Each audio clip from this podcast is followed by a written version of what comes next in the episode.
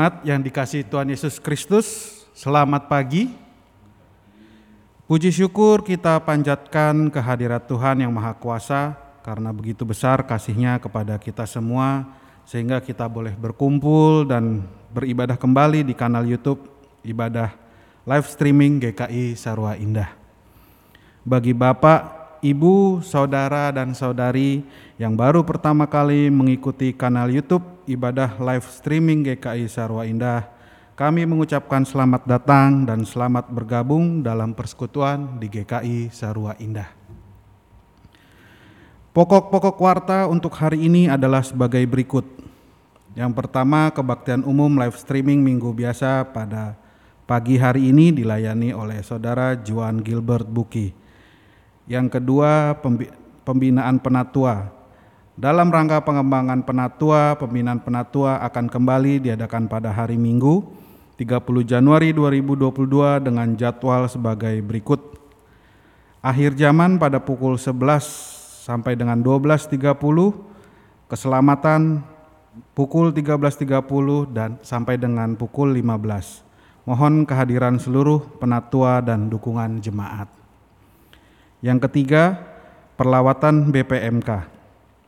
Menindaklanjuti proses kependetaan penatua Kristian Dewantara dan sesuai tata laksana GKI pasal 112 ayat 1A, maka Badan Pekerja Majelis Klasis akan melakukan perlawatan jemaat pada hari Senin 31 Januari 2022 waktu pukul 18 dengan penatua Kristian Dewantara dan pukul 19 dengan Majelis Jemaat GKI Sarwa Indah bertempat di Zoom virtual meeting.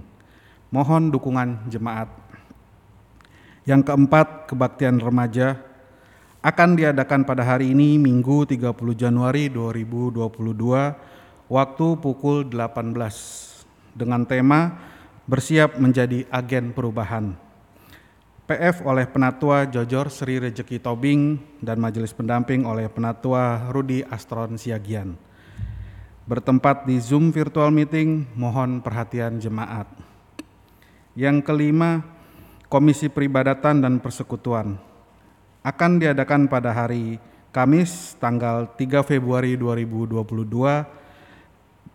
pukul 19.30 dengan tema Hanya Tuhan Saja. Bacaan dari Mazmur 71 ayat 1 sampai dengan 6 PF oleh Bapak Sahala Lumban Raja dan majelis pendamping oleh Penatua Elizabeth Bati. MC oleh Ibu Meldi, Ibu Imelda Ibu Melda Kandau dan bertempat di Zoom virtual meeting. Mohon perhatian dan partisipasi jemaat. Yang keenam, persekutuan doa pagi akan diadakan pada hari Sabtu 5 Februari 2022 waktu pukul 6 pelayan firman oleh Penatua Kristian Dewantara, majelis pendamping oleh Penatua Jojor Sri Rejeki Tobing, dan piket oleh Penatua Tomindra Kusuma dan Penatua Ruth M. Tangaran.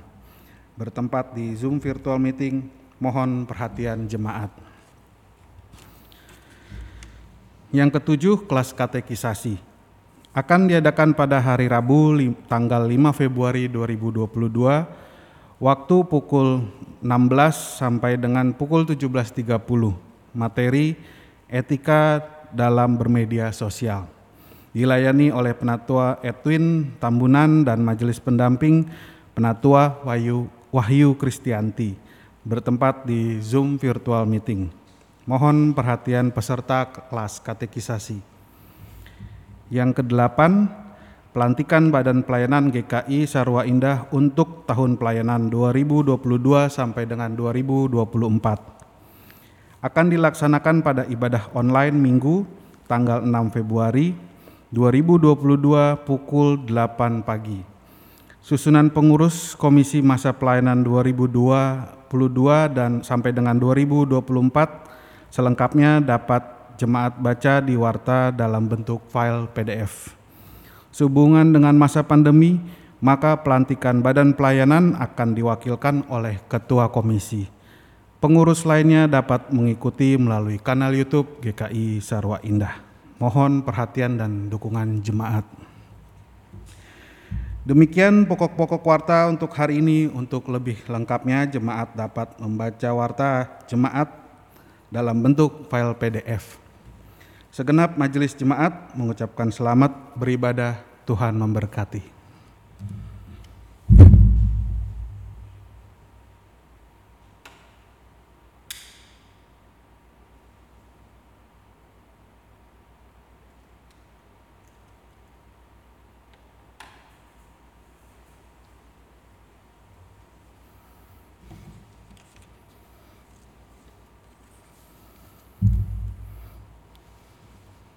Mazmur 135. Haleluya. Pujilah nama Tuhan, pujilah hai hamba-hamba Tuhan. Pujilah Tuhan, sebab Tuhan itu baik. Bermasmurlah bagi namanya, sebab nama itu indah.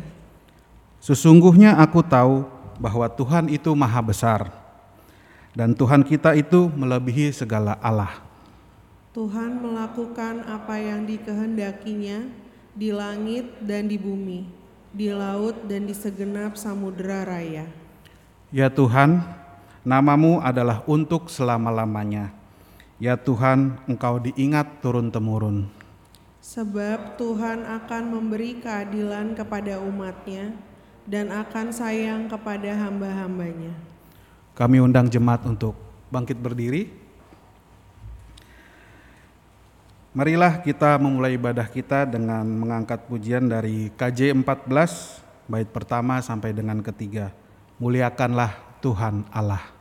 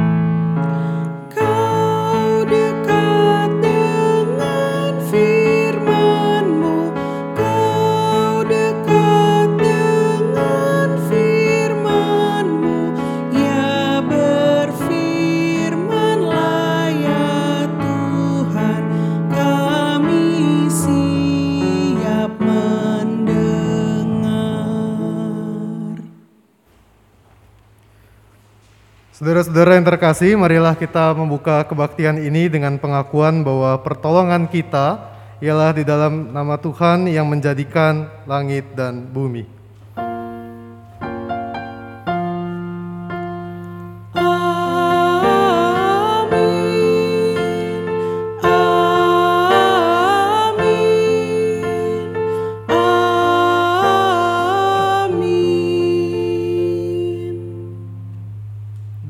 Tuhan beserta saudara. Dan beserta saudara juga.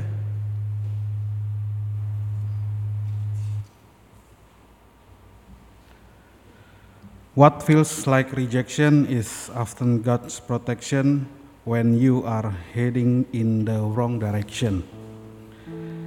Apa yang terasa sebagai penolakan acap kali merupakan perlindungan Allah saat kita melangkah menuju arah yang salah. Dari Donna Petro, penulis buku-buku Kristen. Dalam kehidupan dan pelayanan, kita tidak akan luput dari penolakan terhadap ide, saran, pendapat, perhatian, dan bahkan uluran tangan. Penolakan bukanlah akhir dari upaya kita, melainkan mungkin merupakan awal dari suatu upaya baru yang lebih baik dan yang tepat. Penolakan dapat berarti cara Tuhan memberitahu kita bahwa apa yang kita lakukan itu tidak berkenan kepadanya.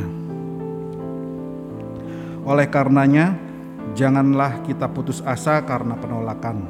Jangan kecewa dan jangan berhenti supa- berupaya melakukan apa yang kita yakini sebagai suatu kebaikan dan kebenaran. Saudara, jika saat ini kita sudah lelah dan berhenti melayankan kasih dan kebaikan karena kita enggan menerima penolakan, marilah kita datang kepada Tuhan memohon belas kasih dan limpahan anugerah karena segala kelemahan kita. Kami persilakan umat berdoa terlebih dahulu secara pribadi dan kami akan menutupnya di dalam doa pengakuan dosa.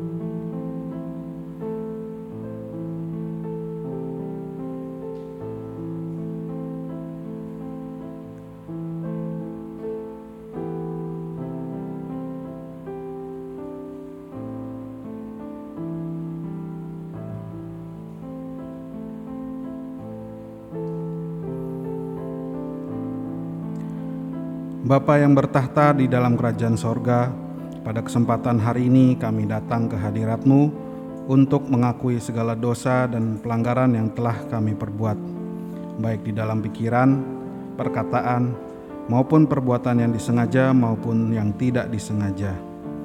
Seringkali kami berusaha untuk menutupi segala dosa dan pelanggaran yang telah kami perbuat dari hadapan sesama kami dan bahkan dari hadapanmu. Kami tahu ya Bapa, Engkau adalah Allah yang Maha Tahu.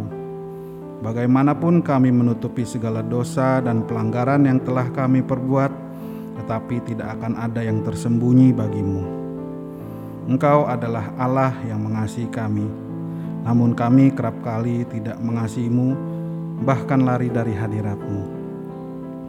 Oleh sebab itu ya Bapa, kami sadar kami telah berdosa di hadapanmu. Mohon ampuni atas segala dosa dan pelanggaran yang telah kami perbuat. Kiranya Engkau mendengar segala doa pengakuan dosa kami ini ya Bapa. Beri kami hati dan kekuatan yang baru mengalir pada pagi hari ini. Terima kasih Bapa untuk kasih dan setiamu di dalam hidup kami. Di dalam nama Tuhan Yesus kami berdoa. Amin.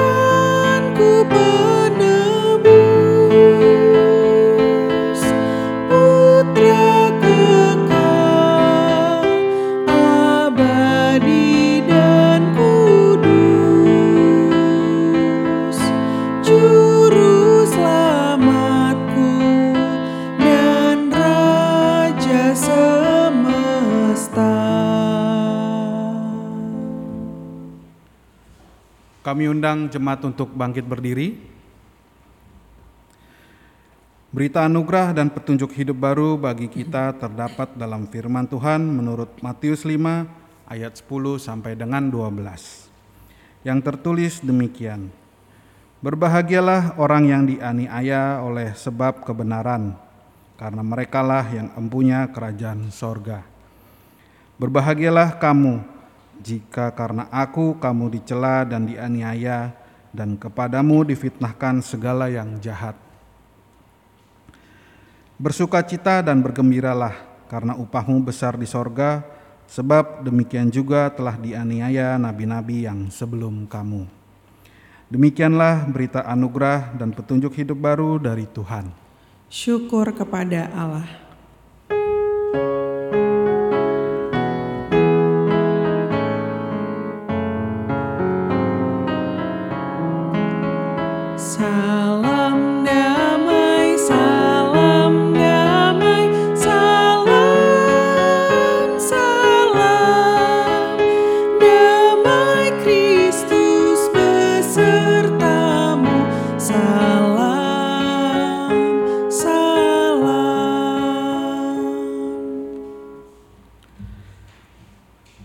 Mari kita merespon berita anugerah kita dengan mengangkat pujian dari NKB 189 bait pertama sampai dengan kedua, pegang tanganku.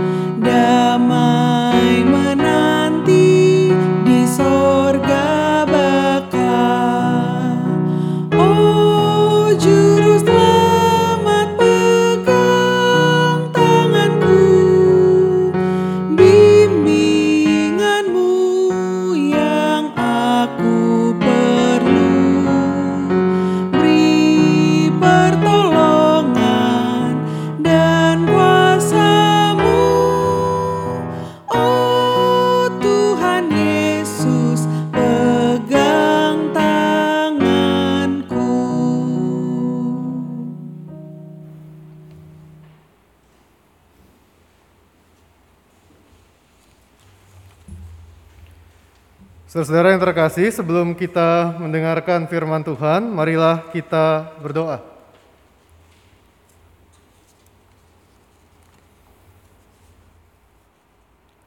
Oleh karena panggilan Tuhan, kami hadir dalam persekutuan ini, sekalipun semua masih tetap berlangsung secara virtual. Kondisi dunia sekeliling kami yang sungguh tidak menentu membuat kami semakin rindu dan haus akan Engkau dan firman-Mu.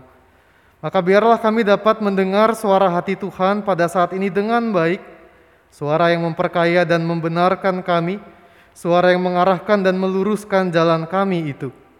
Berbicaralah Tuhan, Basahilah setiap hati dan nurani kami yang kering. Berfirmanlah Tuhan, suburilah hidup dan diri kami yang tandus. Sebab itulah firman yang sungguh kami butuhkan. Jadilah apa yang engkau mau atas kami semua. Dalam Bapa, Anak, dan Roh Kudus kami berdoa. Amin.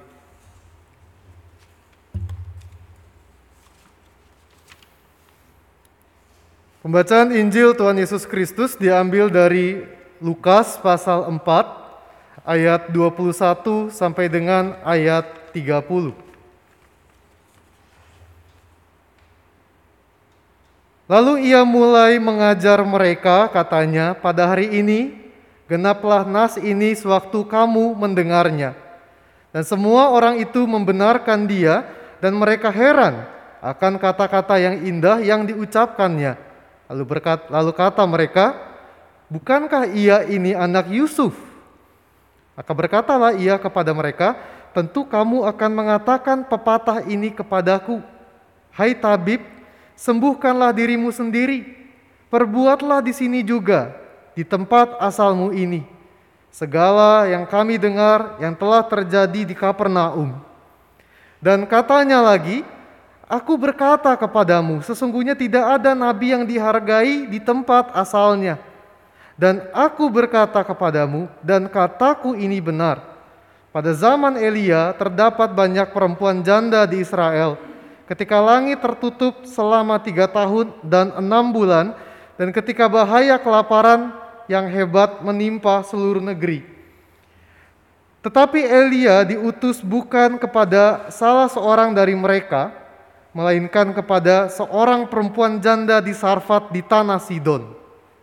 Dan pada zaman Nabi Elisa, banyak orang kusta di Israel dan tidak ada seorang pun dari mereka yang ditahirkan selain daripada Naaman orang Syria itu. Mendengar itu sangat marahlah semua orang yang di rumah ibadat itu.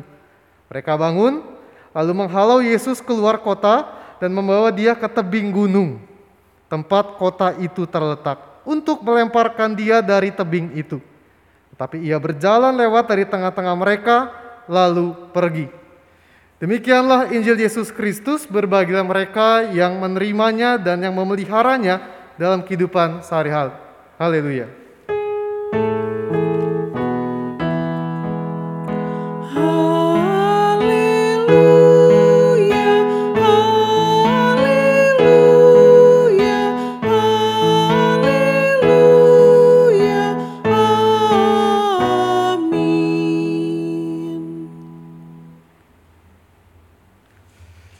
Saudara-saudara dan keluarga GKI Sarwa Indah yang terkasih, selamat pagi.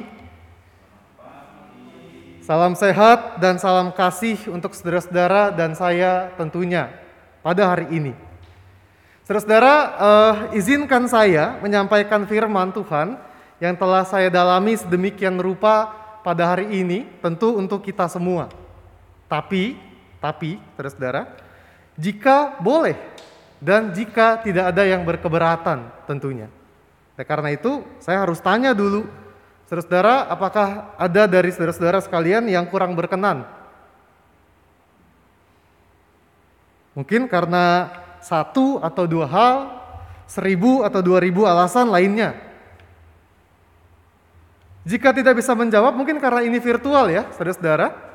Saya mengizinkan sekali bagi saudara-saudara yang pernah menghubungi saya via WhatsApp untuk segera menghubungi saya kalau tidak berkenan saya membawakan firman hari ini. Atau saudara-saudara yang tidak tahu mungkin boleh langsung menghubungi para penatua jika eh, mau menghubungi saya karena tidak berkenan firman ini saya sampaikan. Sebab kalau memang saudara-saudara tidak berkenan, eh, silakan saya di, boleh turun dari atas mimbar ini dan penatua pengantar akan menggantikan saya. Sebab saya juga belum pernah mendengar beliau membawakan firman dari atas mimbar. Seperti itu, saudara-saudara. Jadi silakan kita masih punya beberapa waktu detik gitu ya. Kalau saudara-saudara merasa keberatan, silakan langsung memberitahu. Sebab saudara-saudara, kalau saya harus turun di atas mimbar ini, bagi saya pribadi itu bukan suatu masalah yang besar, bahkan cenderung sangat kecil.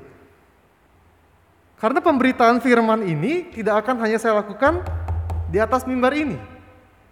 Tetapi juga di ruang kelas, di ruang-ruang virtual, di tanah lapang, di lapangan yang terkena hujan dan terik, di dalam hutan, di tengah keramaian, bahkan di kolong jembatan pun.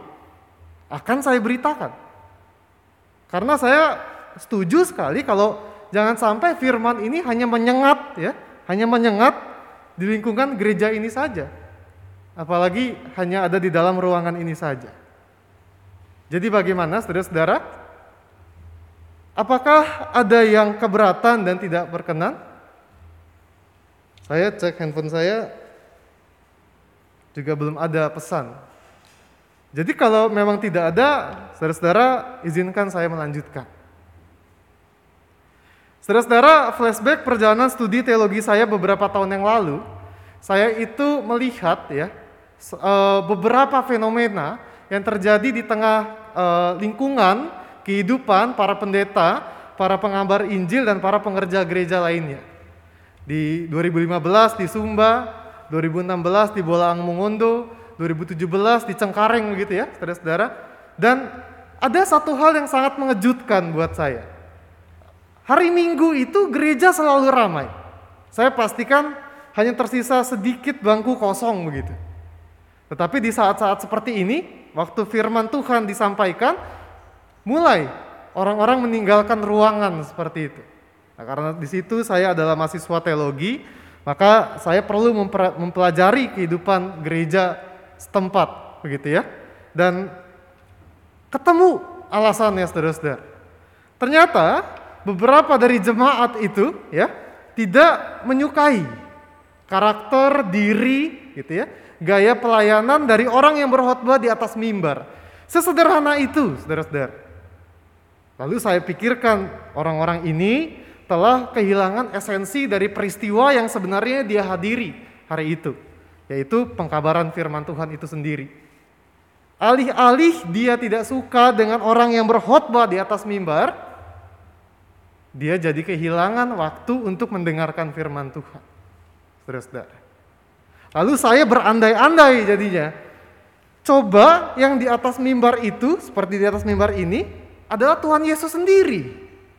Mungkin orang-orang nggak akan pergi ya. Itu pengandaian saya saudara-saudara. Tapi ternyata Alkitab tidak sejalan dengan pengandaian saya sendiri. Bahkan teks Alkitab yang kita baca terus saudara mengatakan bahwa Tuhan Yesus sendiri ditolak. Ya, di tengah umat di Nazaret. Saudara-saudara, itulah alasan saya. Kenapa di awal khotbah ini saya bertanya kepada saudara-saudara yang mungkin agak mengganggu saudara-saudara tadi ya. Apakah saudara-saudara berkenan saya akan melangsungkan pelayanan firman ini? Karena pendeta pun bisa ditolak. Penatua mungkin. Tuhan Yesus pun. Lalu apa kabar dengan saya? Gitu kan, saudara. Nah terlepas dari masalah gereja menggereja lah sekarang saudara-saudara. Kehidupan umum juga ternyata demikian. Ada berbagai macam penolakan terjadi di luar lingkungan gereja yang secara umum bisa kita tahu dan ketahui di kehidupan kita. Bunda Teresa, saudara-saudara, ini gambar Bunda Teresa. Bunda Teresa yang murah hati, sepenjuru dunia ini tahu, bahkan memperhatikan orang-orang yang tersingkirkan di Kalkuta ya, ternyata juga ditolak. Dari mana dia ditolak? Dari kematiannya. Dia ditembak oleh orang oknum, dari oleh seorang oknum gitu ya, yang tidak tahu siapa sampai tewas. Lalu juga saya perkenalkan tokoh lain, saudara-saudara, ini Bapak Sola Gracia Lumi. Ini salah satu orang yang sangat berpengaruh dalam hidup saya.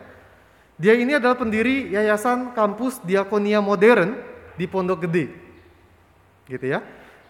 Dia ini uh, dikejar-kejar, ya, dicekal, ditolak oleh gereja. Dan gerejanya itu sama sekali tidak asing dengan kita. Jadi selepas lulus dari STT Jakarta, dia ini menolak dipendetakan, gitu ya. Bahkan lebih banyak mengurusi gelandangan-gelandangan dari stasiun kereta api ke stasiun kereta api sampai akhirnya dia punya asrama, sekolah dan tempat pelatihan keterampilan bagi gelandangan. Saudara-saudara tahu bahkan di kantor Sinode Wilayah yang saya tahu di Sinode Wilayah Jawa Barat, lulusan sekolah ini pun banyak pekerjaannya di sana. Terlepas dari berita apa pun juga, saudara-saudara, Bapak BTP ini, Bapak Ahok, gitu ya, dijatuhkan, diolok pada saat dia sangat bersemangat untuk memberantas maling-maling, gitu ya, bahkan merapikan ibu kota yang semrawut. Tiga orang ini saudara-saudara, lihat bahwa ternyata semua orang itu pernah dan akan ditolak.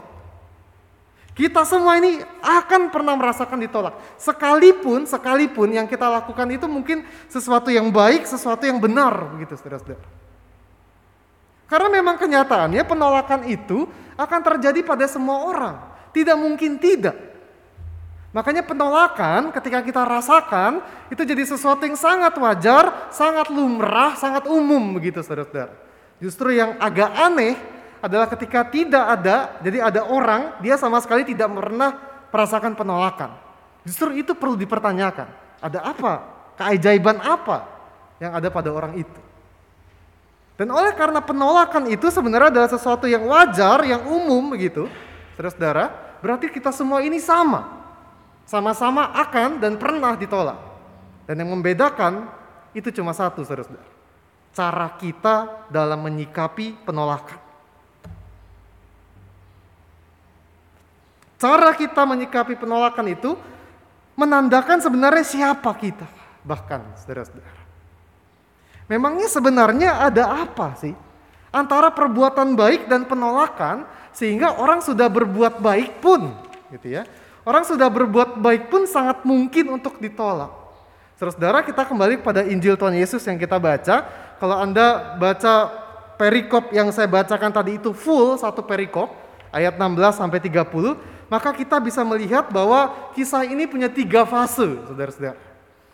Fase pertama, Tuhan Yesus itu datang ke sinagoge di Nazaret dan dia membaca kitab Yesaya. Seperti itu ya, di depan umat di Nazaret. Fase yang kedua, ini fase yang pertama jangan lupa ya. Fase yang kedua, saudara-saudara, setelah Yesus membaca kitab Yesaya, dia mengajar sambil menggenapi isi dari kitab Nabi Yesaya. Lalu kita baca dalam Alkitab tadi, semua orang mulai membenarkannya. Sebenarnya membenarkan ini saudara-saudara perlu diberi tanda petik karena artinya tidak literer seperti itu. Membenarkan dalam hal ini adalah semua orang, masing-masing orang yang mendengar Yesus membaca dan mengajar itu melakukan pembenaran masing-masing. Jadi mereka mencari kemungkinan-kemungkinan pemikiran mereka yang benar untuk menyikapi apa yang Yesus lakukan. Makanya ada yang setuju, ada yang tidak setuju. Dan karena ada yang setuju dan tidak setuju, saudara bisa bayangkan suasana di sana sangat chaos. Karena sinagoga itu sangat kecil sebenarnya, tidak tidak besar. Gitu ya. Fase yang ketiga, karena kekacauan di dalam sinagoga itu membuat Yesus dibawa ke ujung tebing. Ini fase tiga, saudara-saudara. Dibawa ke ujung tebing dan hendak dilemparkan. Yang Yesus lakukan adalah dia berbalik meninggalkan mereka ke mana Yesus pergi ke tempat lain untuk melanjutkan apa yang seharusnya dia lakukan. Terus ini adalah bagian pertama yang saya ajak kita untuk hayati. Tuhan Yesus itu saudara-saudara, kalau dia hadir dalam sinagoge, itu sesuatu yang wajar. Biasa aja, lumrah, tidak istimewa. Karena itu rutinitas, gitu ya, saudara-saudara. Bahkan ketika habis dia baca, dia mengajar pun itu juga biasa. Karena dia adalah seorang rabi. Yang justru tidak biasa, ya, yang justru nggak biasa itu adalah sikap para pendengarnya. Sampai membawa Yesus ke ujung tebing untuk dilemparkan, itu nggak biasa. Karena tidak mungkin, saudara-saudara, seorang yang terkenal, gitu ya, melakukan perbuatan-perbuatan ajaib di banyak kota, lalu akan disudutkan seperti itu, hampir tidak mungkin. Atau tidak mungkin seorang rabi disudutkan, diolok gitu ya, bahkan disingkirkan seperti itu, apalagi ini adalah zaman setelah para nabi. Ketika jabatan keagamaan itu sudah melembaga. Jadi sudah terstruktur, tidak seperti zaman para nabi. Jadi tidak mungkin saudara-saudara. Makanya menyikapi sikap yang nggak biasa, nggak mungkin dari para orang-orang yang menolak Yesus ini, Tuhan Yesus pun juga melakukan sesuatu yang tidak biasa. Dia tidak melawan, dia tidak memberontak.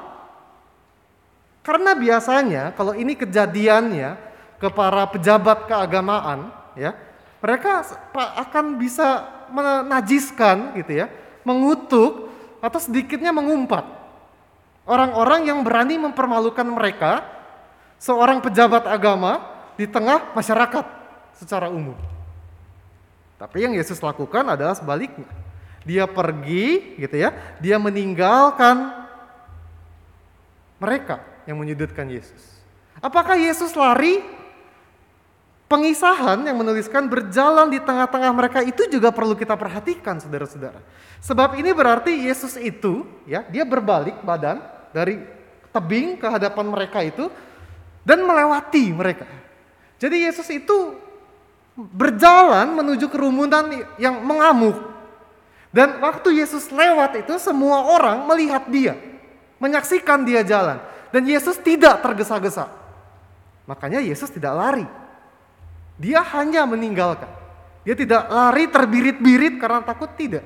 Dia meninggalkan tanpa kekerasan, tanpa konflik. Damai dia tinggalkan.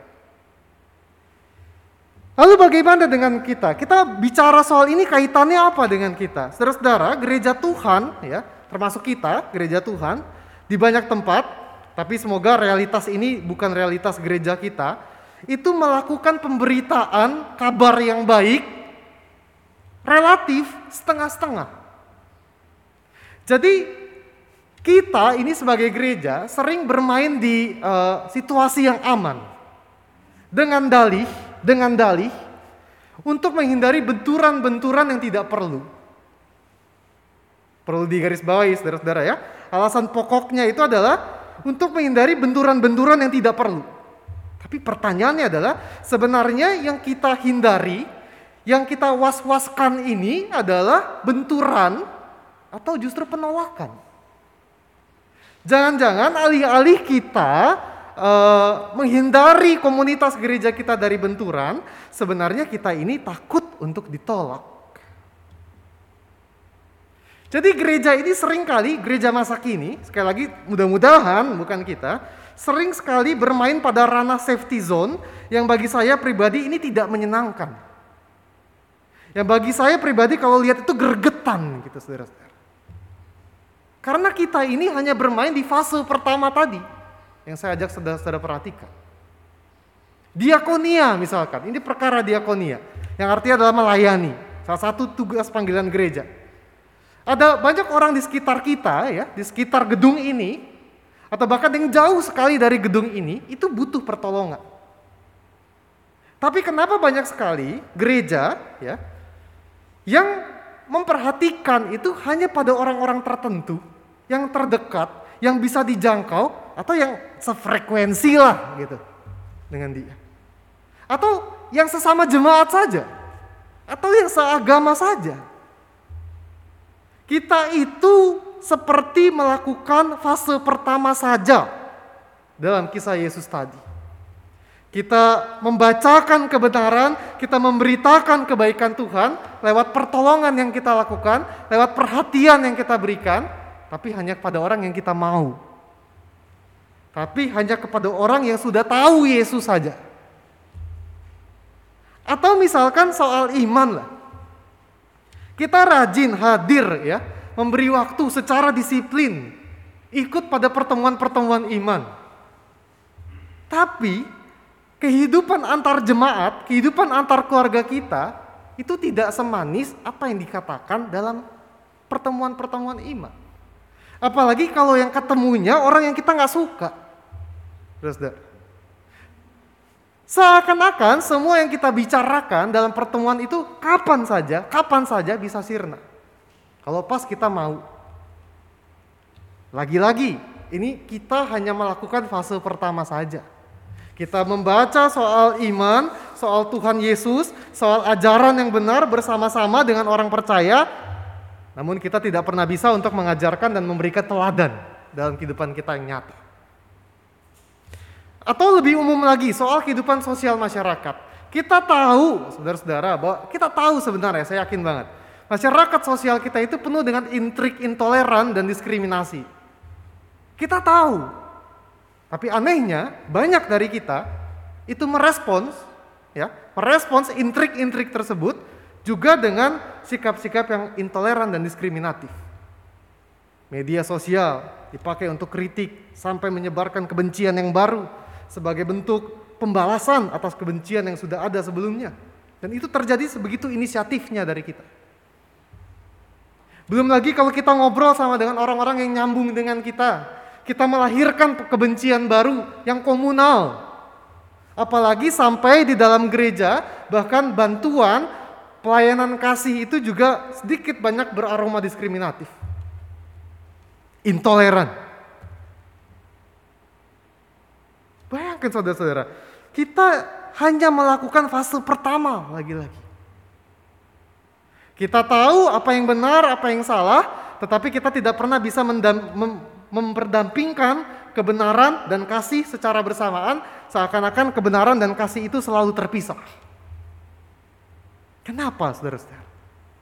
Kenapa seperti itu kita ini, saudara-saudara? Sederhananya begini, saudara-saudara. Kita seperti selalu bisa melakukan fase pertama, membaca, mengenal, mengetahui firman, namun untuk bisa melakukannya kita nggak mampu. Kenapa? Karena saudara-saudara, kalau sampai kita mau dan rela gitu ya, mengajar seperti Yesus, kalau dalam tindakan kita sehari-hari itu berarti kita bersaksi, kita memberikan teladan, maka kita harus selalu siap untuk ditolak. Saudara-saudara, siap untuk ditolak? Siap untuk ditolak? Itu masalahnya, saudara-saudara. Kita itu ragu. Sebenarnya kita ini kalau ditolak akan merasa apa? Berdiakonia tadi ya, dengan orang lain ternyata dibilang kristenisasi harus siap. Bertumbuh dalam iman lalu kita coba berelasi bahkan dengan orang yang kita tahu dia nggak suka kita, malah kita yang dipermalukan harus siap. Atau kita meneladankan sikap toleran bersahabat dengan semua orang malah kita yang kena diskriminasi lain pun harus siap. Sebab itu saudara-saudara, itu yang Yesus lakukan. Ia mengambil bagian dalam tiga fase yang saya bilang tadi, sampai pada akhirnya dia ditolak, tetapi dia harus membalasnya dengan kasih. Saudara-saudara, saya tahu persis bahwa uh, bahasan kita hari ini adalah bagaimana kita menjawab penolakan dengan kasih. Tetapi sebelum sampai ke sana, sebenarnya ada satu poin yang lebih krusial menurut saya. Yaitu adalah kita harus selalu sadar dan kita harus selalu tahu, bahkan kita harus selalu memegang pikiran ini, bahwa kapan pun dan di mana pun, kapan saja kita bisa selalu ditolak orang lain, oleh karena perbuatan kita yang baik dan benar sekalipun. Jadi saudara kita harus tahu, bahwa tidak akan ada orang yang mampu menjawab penolakan dengan kasih, kalau ia pun tidak pernah siap untuk ditolak. Oke, saya siap dengan penolakan. Saya siap untuk meresponnya. Ingat baik-baik saudara-saudara. Semua orang ditolak. Yang membedakan kita hanyalah cara kita merespons penolakan itu. Hari ini kita diajak untuk merespon penolakan dengan kasih. Tapi ini aneh nggak sih saudara-saudara? Kita yang kena penolakan kita yang harus memberi kasih. Kita berbuat baik, ditolak, kita juga yang harus mengasihi. Aneh kan? Apa jangan-jangan ini mitos? Menurut Paulus ini bukan mitos. Karena ini adalah seruan agar kita melakukannya. Saudara-saudara pada surat Korintus ya, kalau saudara-saudara juga turut membaca karena ini adalah sebuah leksionari begitu ya. Uh, Paulus itu menyuratkan kepada jemaat di Korintus yang banyak sekali talentanya bahwa di atas segala karunia yang kita miliki itu hanya kasih yang utama. Jadi Paulus itu menempatkan kasih di atas segala-galanya. Tapi kalau saudara-saudara mau berlogika itu betul. Karena kasih, jadi karunia-karunia lain itu sebenarnya hanya turunan dari kasih. Ya. Karena kasih, Allah memberikan kita karunia untuk berbuat sesuatu baik untuk kita atau sesama dan ciptaan lain. Betul ya? Dan semua perbuatan karunia kita itu ujung-ujungnya juga adalah soal kasih. Itu kenapa Paulus melihat kasih itu sebagai sesuatu yang sangat esensial di antara karunia-karunia yang lainnya. Dan ternyata saudara-saudara, ini bagian kedua yang perlu kita pahami. Soal kasih ini ya. Setiap orang punya cara dan jalannya sendiri untuk melayani Tuhan, melayani sesama, me- me- melayani seluruh ciptaan yang lain. Saya setuju sekali. Tapi, saudara-saudara, dalam setiap pemanfaatan talenta kita, dalam pekerjaan, dalam pelayanan, dalam semua yang kita buat, kita itu pasti akan ketemu hal-hal seperti kita yang tidak dianggap, gitu. Kita yang tidak diterima pendapatnya, atau bahkan kita yang dikucilkan dari antara yang lain. Kita merasakan kok ke saya beda dengan yang lain. Itu sesuatu yang di mana pun saudara-saudara, hanya dalam bentuk yang berbeda saja akan kita rasakan. Kalau dalam pemanfaatan talenta kita itu, dalam hidup bertalenta kita itu tidak mengutamakan atau di atasnya tidak ada kasih, saudara-saudara, itu akan jadi sesuatu yang sangat merusak. Kalau kita dengan kasih, kita ngerasain rupa-rupa penolakan, kita akan mampu menahan diri kita dari ledakan-ledakan emosi yang mungkin terlalu berlebihan gitu. Dengan kasih, kita bisa kembali mengoreksi diri kita, bahkan mendewasakan diri kita, bahkan mematangkan diri kita. Dengan kasih, kita juga bisa mengintrospeksi diri kita untuk melakukan sesuatu mungkin bahkan yang lebih baik. Tapi bayangkan saudara-saudara kalau tidak dengan kasih. Angkuh sekali gitu ya. PD berlebih sekali dengan talenta yang dia miliki. Sekalinya ketemu rupa-rupa penolakan. Tuar! Kepalanya meledak. Sumbu-sumbu pendeknya terbakar. Dan dengan sangat cepat relasi dengan orang lain digusur. Apa apa apa gunanya kita punya kasih? Banyak. Apa bergunanya kita hidup tidak dengan kasih? Tidak ada, saudara-saudara. Kalaupun hidup dalam kasih itu beresiko, resikonya itu seperti hanya luka gores, gitu ya, memar, atau luka-luka ringan lainnya yang ketika jaringan baru terbentuk maka akan menutupinya. Tapi kalau saudara-saudara mengambil bagian untuk hidup tanpa kasih, ya silakan pilih dan rasakan saudara-saudara. Karena memang kita itu dinasehatkan Paulus bukan hanya untuk memakai kasih sebagai tolak ukur atau indikator dari talenta yang kita punya. Sebagai batasan dari ambisi yang kita punya, bukan cuma itu. Bahkan seruan Paulus ini bisa kita dapatkan, bisa kita terima gitu ya. Sebagai kasih itu adalah cara agar segala macam kesedihan, kemarahan, kekecewaan, malu karena ditolak itu diolah menjadi sesuatu yang lebih positif. Saudara-saudara, sesuatu yang tidak bisa dihindari dan percayalah, kasih itu bisa membalut hal buruk ya dan memprosesnya menjadi hal-hal baik yang baru. Mari kita hidup dalam kasih kalau begitu. Jadi kasih adalah jawaban atas penolakan. Betul ya? Tapi gimana konkretnya? Langsung ke perbuatannya aja kayak gimana? Oke. Saudara-saudara, setiap pertama kali setiap pertama kali saudara-saudara merasakan penolakan, pakailah mulut ini, ya. Pakailah mulut ini untuk bicara dan nyatakanlah kebenaran. Informasikan kepada orang yang menolak saudara-saudara kebenaran yang seluruh-seluruhnya. Supaya apa? Supaya kita mengusahakan hal yang sebenarnya baik dan benar menurut kita ini dipertimbangkan kembali untuk ditolak atau tidak. Atau minimal saudara-saudara dengan menjelaskan apa yang benar sebenarnya, kita itu mungkin gak dihargai. Mungkin kita yang ditolak, tapi kita tetap membawakan kebenaran ini untuk tidak ditolak. Jadi biar diri kita yang ditolak, tapi kebenaran ini jangan ditolak. Ya, setiap saudara-saudara mengalami penolakan, to the point. Jelaskan apa yang benar menurut saudara-saudara. Sampaikan apa yang baik menurut saudara-saudara. Karena bisa jadi penolakan itu terjadi karena orang hanya melihat penampilan kita, perilaku kita, cara bicara kita, atau pengenalan akan karakter kita dari orang lain.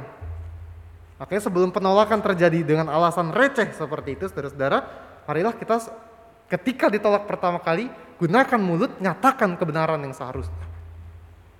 Karena ini yang Yesus lakukan, saudara-saudara. Waktu dia mengajar dan orang mulai repot, gitu ya, berdebat, dia langsung bilang, kamu mau saya melakukan mujizat di tempat ini, bukan? Kamu tentu ingat apa yang Elia hadapi, bukan? Kamu tahu, kamu tentu tahu apa yang Elisa hadapi, bukan? Tuhan Yesus menyatakan langsung kebenaran supaya orang-orang itu tahu apa yang Tuhan Yesus maksud sebenarnya. Jadi sekalipun Tuhan Yesus ditolak akhirnya, dia harus pergi, dia pergi memang. Tapi bukankah ia telah meninggalkan penghayatan dan kebenaran bagi mereka yang menolaknya? Yesus ditolak, kebenaran ditinggalkannya. Itu, saudara-saudara. Ternyata saya benar-benar ditolak, lalu kayak gimana? Tinggalkanlah dengan damai. Saudara. Tinggalkanlah dengan damai dan tetap lakukan karya-karya baik di setiap kesempatan yang masih kita miliki. Saudara-saudara, merasa ditolak di gereja? Jangan berhenti melayani. Lakukan hal yang lain yang masih mungkin kita lakukan. Atau bahkan lakukan hal baru di dalam pelayanan gereja itu yang mungkin kita belum lakukan. Atau lakukan hal yang lebih lain lagi, yaitu memberi support, memberi dukungan bagi setiap mereka yang masih melayani. Jangan malah menjadi kritikus. Jangan malah menjadi oposisi. Apalagi jadi musuh dalam selimut. Karena ini pelayanan loh saudara-saudara. Atau di keluarga misalkan. Di tengah keluarga kita merasa ditolak. Tinggalkan, tinggalkan konfliknya. Tinggalkan kuat-kuatannya kita beradu argumen gitu. Dan lakukan hal-hal baik yang masih mungkin kita lakukan demi dan bagi keluarga. Jangan malah menjadi perusak, jangan malah jadi pendendam, apalagi menjadi kompor di tengah kehidupan keluarga. Itu keluarga loh. Atau teman-teman muda deh, ya, ya kayak saya gini ya, teman-teman muda deh. Di tengah pergaulan kita ngerasa ditolak, apa yang harus kita buat? Gitu. Jadilah sahabat, sekalipun kita nggak dianggap sahabat, jadilah sahabat. Jadilah sahabat yang selalu ada waktu orang itu membutuhkan kita. Bagus dong, jadi nggak setiap saat dong, pas dia butuh aja baru kita ada. Bagus supaya kita tetap bisa menjaga jarak agar pertikaian dan konflik tidak terulang. Karena menjaga jarak itu tidak salah, teman-teman.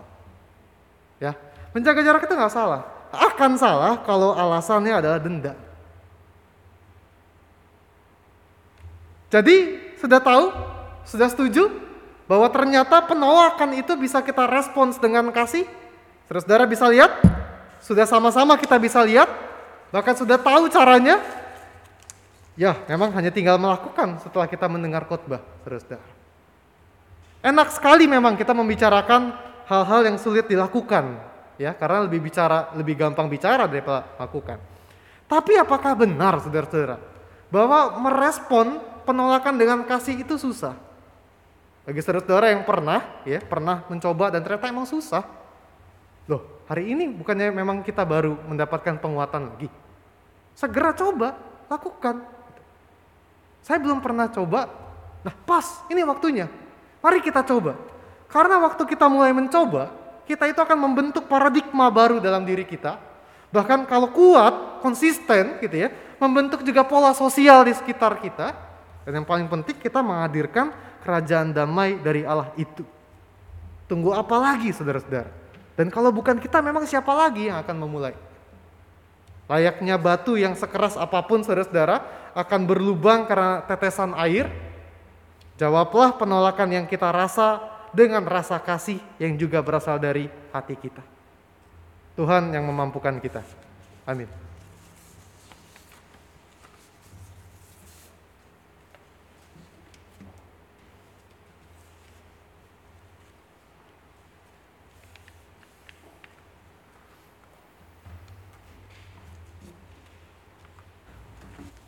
Umat diundang bangkit berdiri.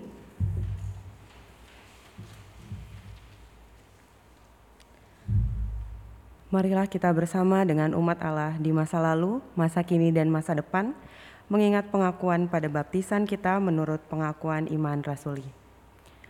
Aku percaya kepada Allah, Bapa yang Maha Kuasa, Halik langit dan bumi, dan kepada Yesus Kristus, Anak yang tunggal Tuhan kita, yang dikandung daripada Roh Kudus, lahir dari anak darah Maria, yang menderita sengsara di bawah pemerintahan Pontius Pilatus, disalibkan, mati dan dikuburkan, turun dalam kerajaan maut.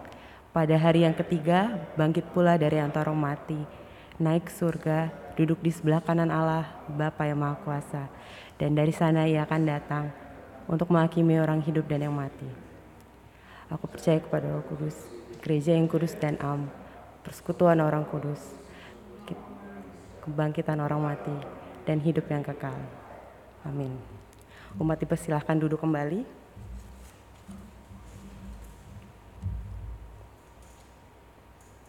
Saudara, kita akan berdoa. Marilah kita sama-sama bersyafaat di hadapan Tuhan.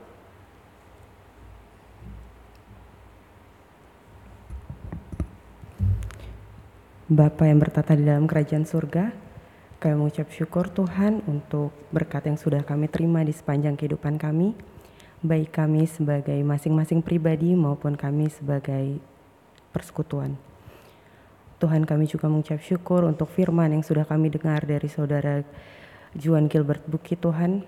Kiranya firman tersebut dapat menegur sekaligus menguatkan kami untuk kami melanjutkan kehidupan kami.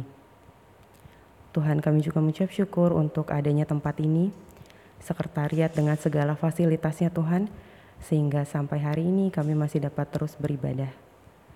Kami juga berdoa, kami juga bersyukur untuk adanya pastori dan juga lahan di Dusun Tiga Tuhan. Kiranya Engkau berikan kami hikmat untuk terus merawat, menjaga, dan mengelola apa yang telah Engkau berikan kepada kami. Terkhusus kami juga mengucap syukur Tuhan untuk adanya lahan di Nusa Loka yang saat ini kami sudah terima surat izin uh, eh, IPL Tuhan, surat pengelolaan lahan.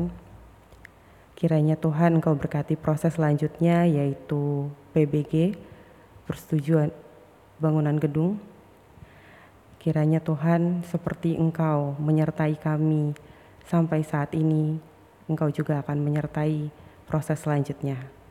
Dari pengurusan pembangunan gedung ini Tuhan, sehingga kami dapat kerinduan kami untuk dapat memiliki gedung gereja dapat terlaksana sesuai dengan waktu yang Engkau pandang baik. Kami juga berdoa untuk seluruh panitia yang terlibat Tuhan, baik dari uh, eh, GKI Serpong maupun dari GKI Saro Indah. Kiranya Engkau berikan mereka kesehatan, kesabaran, dan hikmat Tuhan, sehingga mereka dapat terus menyampaikan isi hatimu di setiap keputusan yang mereka ambil. Hanya kepada Tuhan Yesus Kristus kami memohon. Lanjutkan syafaat kami Tuhan. Kami berdoa juga secara khusus untuk pelayanan dan persekutuan yang terus gereja kami lakukan bahkan di tengah pandemi ini. Tuhan memberkati dan menyertai setiap kami yang terlibat di dalamnya, para penatua, para komisi dan tim yang turut berpelayanan di dalamnya. Tuhan memberikan kami masing-masing hati sebagai hamba yang melayani terutama bagi kemuliaan Tuhan dan bagi kebaikan setiap mereka yang kami layani semata-mata. Biarlah Tuhan senantiasa memakai kami sesuka dan semau Tuhan, agar kemuliaan Tuhan pun dapat kami nyatakan melalui keberadaan kami sebagai GKI Sarwa Indah. Kami juga berdoa untuk relasi antar jemaat GKI Sarwa Indah kami yang sadar benar keberadaan kami sebagai keluarga di dalam iman. Biarlah kami senantiasa memiliki kasih yang besar yang senantiasa mengikat dan mengeratkan kami bahkan untuk secara kompak melakukan banyak hal bersama-sama sehingga kami memiliki semangat yang kuat, kami memiliki daya yang kuat untuk melakukan berbagai macam bentuk pelayanan bersama-sama. Kami juga menyerahkan proses pendetaan penatua Kristian Dewantara ke dalam tangan Tuhan Biarlah semua proses yang beliau hadapi, Tuhan pimpin dan sertai, mematangkan dan mendewasakannya senantiasa, sehingga pada waktu yang tepat, di waktu yang Tuhan berikan, beliau sudah pantas, sudah dengan yakin, sudah dengan tekad yang kuat untuk bersama-sama dengan kami membangun kehidupan bergereja dan beriman di tengah jemaat ini. Kami juga menyerahkan saudara-saudari kami yang sakit dan dalam pemulihan, Ibu Mamik Palon, Ibu Hana Panjaitan, Ibu Yulia Kristianti, Bapak Christian Huta Galung, Ibu Nike Elizabeth Buki, Bapak Wahyu Hidayat, Ibu Yohana Triani, Ibu Maria Magdalena, Ibu Tambunan, Bapak Rudi Pasaribu, Ibu Sarah Jaya Sumadi, Ibu Dos Mariani Tambutan, dan Ibu Siagian. Tuhan kami hantar saudara-saudari terkasih kami ini ke dalam tangan-Mu. Engkau yang jauh melampaui segala kasih yang kami miliki. Kami yakin benar Engkau akan bekerja dengan cara yang agung. Tuhan dampingilah kehidupan mereka, Tuhan kuatkanlah kehidupan mereka, berikanlah mereka pengharapan dan juga keyakinan yang kuat sampai pada akhirnya menyadari dan melihat dengan benar cara Tuhan bekerja, kasih Tuhan yang besar dalam kehidupan mereka lewat pemulihan, kesembuhan, dan kehidupan yang baik dalam Tuhan. Kami juga bersuka cita bersama dengan saudara-saudari kami yang berulang tahun Bapak Rudi Pasaribu, Bapak Daniel Hia, Bapak Nasib Sipahutar, Saudara Christopher Lubis, dan Ibu Lina Siagian. Tuhan, di dalam sukacita bersama-sama dengan saudara-saudari kami ini, biarlah kami senantiasa berdoa, Tuhan selalu menjadi pegangan dalam kehidupan mereka, yang memberikan apa yang segala mereka butuhkan, dan menyanggupkan mereka mencapai segala yang menjadi cita-cita, impian, pengharapan, dan keyakinan dalam kehidupannya. Tuhan, kami berdoa agar Tuhan sendiri yang mendampingi setiap sisi kehidupan mereka, setiap waktu kehidupan mereka, agar setiap waktu yang masih Tuhan berikan dalam kehidupan mereka dapat mereka syukuri dalam persekutuan, karya, dan kesaksian. Kami juga berdoa untuk situasi pandemi yang terus tidak menentu di sekitar kami. Ajarlah kami sadar akan diri kami sebagai manusia dalam ber, dalam banyak sekali keterbatasan yang membuat kerap kali kami bingung, khawatir, takut akan kehidupan kami di masa-masa ini. Tapi biarlah kesadaran kami akan keterbatasan itu membuat kami sungguh berharap dan membutuhkan Tuhan, sadar benar kehadiran Tuhan dalam kehidupan kami, berpegang penuh kepada Tuhan yang senantiasa akan melindungi dan senantiasa akan membawa kami melewati situasi yang suram dan sukar seperti ini. Kami juga berdoa bagi bangsa dan negara, setiap aparatur negara yang turut memimpin kehidupan berbangsa dan bernegara kami, berikanlah hikmat dan kebijaksanaan. Agar di tengah keberagaman bangsa kami ini, kami boleh senantiasa hidup di dalam kerukunan, boleh bersatu padu sekalipun berbeda dan tidak sama, untuk melakukan berbagai berbagai macam hal seturut dengan kekayaan yang Tuhan berikan dalam kehidupan kami sebagai bangsa dan negara Indonesia. Inilah seluruh rangkaian syafaat kami Tuhan yang kami naikkan juga dengan doa yang Tuhan sendiri telah ajarkan kepada kami.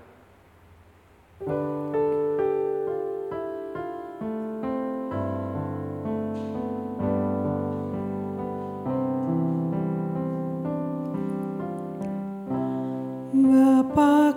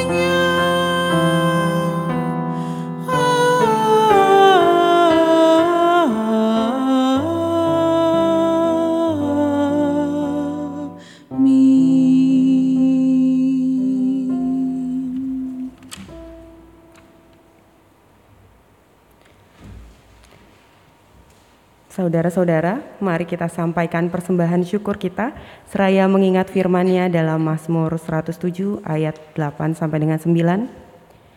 Biarlah mereka bersyukur kepada Tuhan karena kasih setianya, karena perbuatan-perbuatannya yang ajaib terhadap anak-anak manusia, sebab dipuaskannya jiwa yang dahaga dan jiwa yang lapar dikenyangkannya dengan kebaikan. Sam-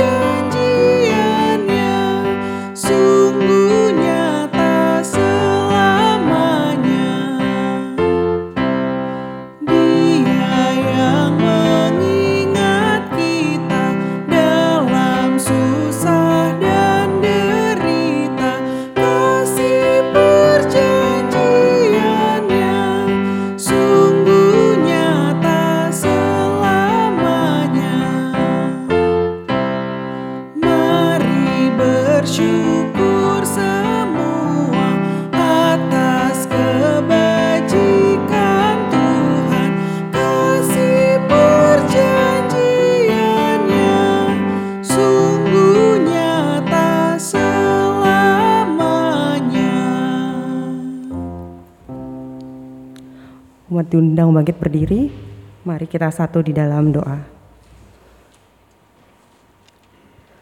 Bapa yang baik, Bapa yang selalu baik di sepanjang kehidupan kami, Bapa yang selalu menyediakan semua yang kami butuhkan, Bapa yang memelihara kehidupan kami bahkan sampai detik ini. Tuhan kami telah mengumpulkan sebagian dari apa yang sudah kami terima daripadamu, kiranya Engkau berkati tangan-tangan yang telah memberi dan juga tangan-tangan yang akan mengelola, agar persembahan ini Tuhan sungguh dapat kami gunakan hanya untuk kemuliaan namamu saja. Kami berdoa di dalam nama Tuhan Yesus Kristus.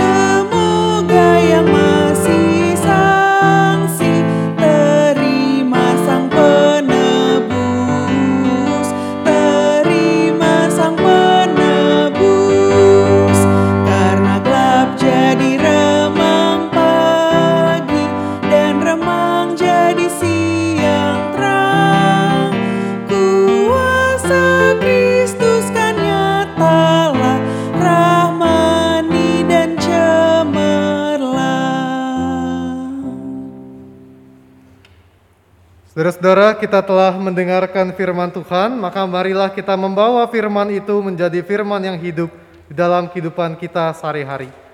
Arahkanlah hatimu kepada Tuhan, Kami mengarahkan hati kepada Tuhan. jadilah saksi Kristus, Syukur kepada Allah, terpujilah Tuhan.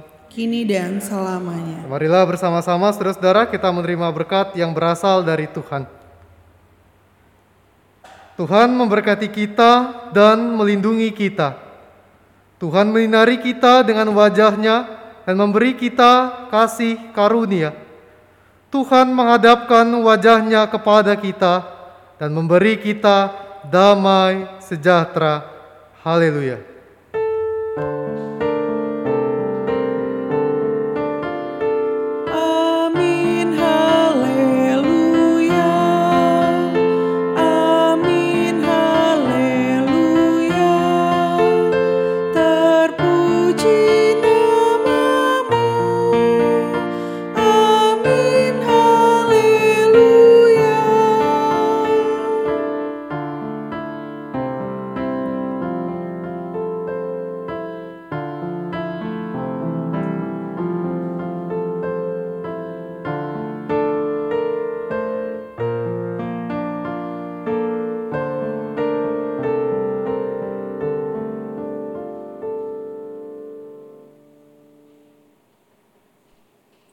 Teman-teman, jangan lupa untuk ikut ibadah Komisi Remaja GKI Sarwa Indah setiap hari Minggu jam 6 sore melalui aplikasi Zoom.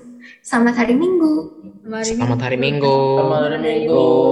Hari Minggu. Selamat pagi Bapak Ibu dan saudara-saudari jemaat GKI Sarwa Indah yang terkasih. Kami mengundang Bapak Ibu semua untuk mengikuti doa pagi GKI Sarwa Indah yang dilaksanakan setiap hari Sabtu jam 6 pagi. Sampai bertemu di doa pagi selanjutnya. Selamat hari Minggu. Selamat hari Minggu. Selamat hari Minggu. Tuhan berkati. Selamat pagi, selamat hari Minggu, jemaat Tuhan. Pada pagi ini saya mengajak dan mengundang Bapak Ibu sekalian untuk hadir pada PA yang dilakukan setiap eh, hari Kamis malam pukul 17 eh, pukul 19.30 waktu Indonesia bagian barat. Kami mohon uh, kesediaan dan kehadiran Bapak Ibu sekalian. Tuhan memberkati kita. Amin. Selamat hari Minggu. Selamat hari Minggu. Selamat hari Minggu. Selamat hari Minggu. Selamat hari Minggu. Halo semua muda-mudi, para dewasa muda yang ada di GKI SI, kami mengajak untuk kita semua bergabung dalam sharing firman Tuhan di Komdes setiap Sabtu minggu keempat. Mari gabung bersama, kita bertumbuh bersama, kita sharing bersama, kita ketawa bersama, kita nggak makan bersama. Oke. Selamat hari Minggu. Selamat hari Selamat Minggu. hari Minggu semuanya. Hari Minggu. Kami tunggu kedatangannya ya. Hari Minggu. Teman sekolah minggu buat kita. Sampai minggu depan. Selamat hari Minggu. hari Minggu semuanya. Semuanya. Hari Minggu. Kakak.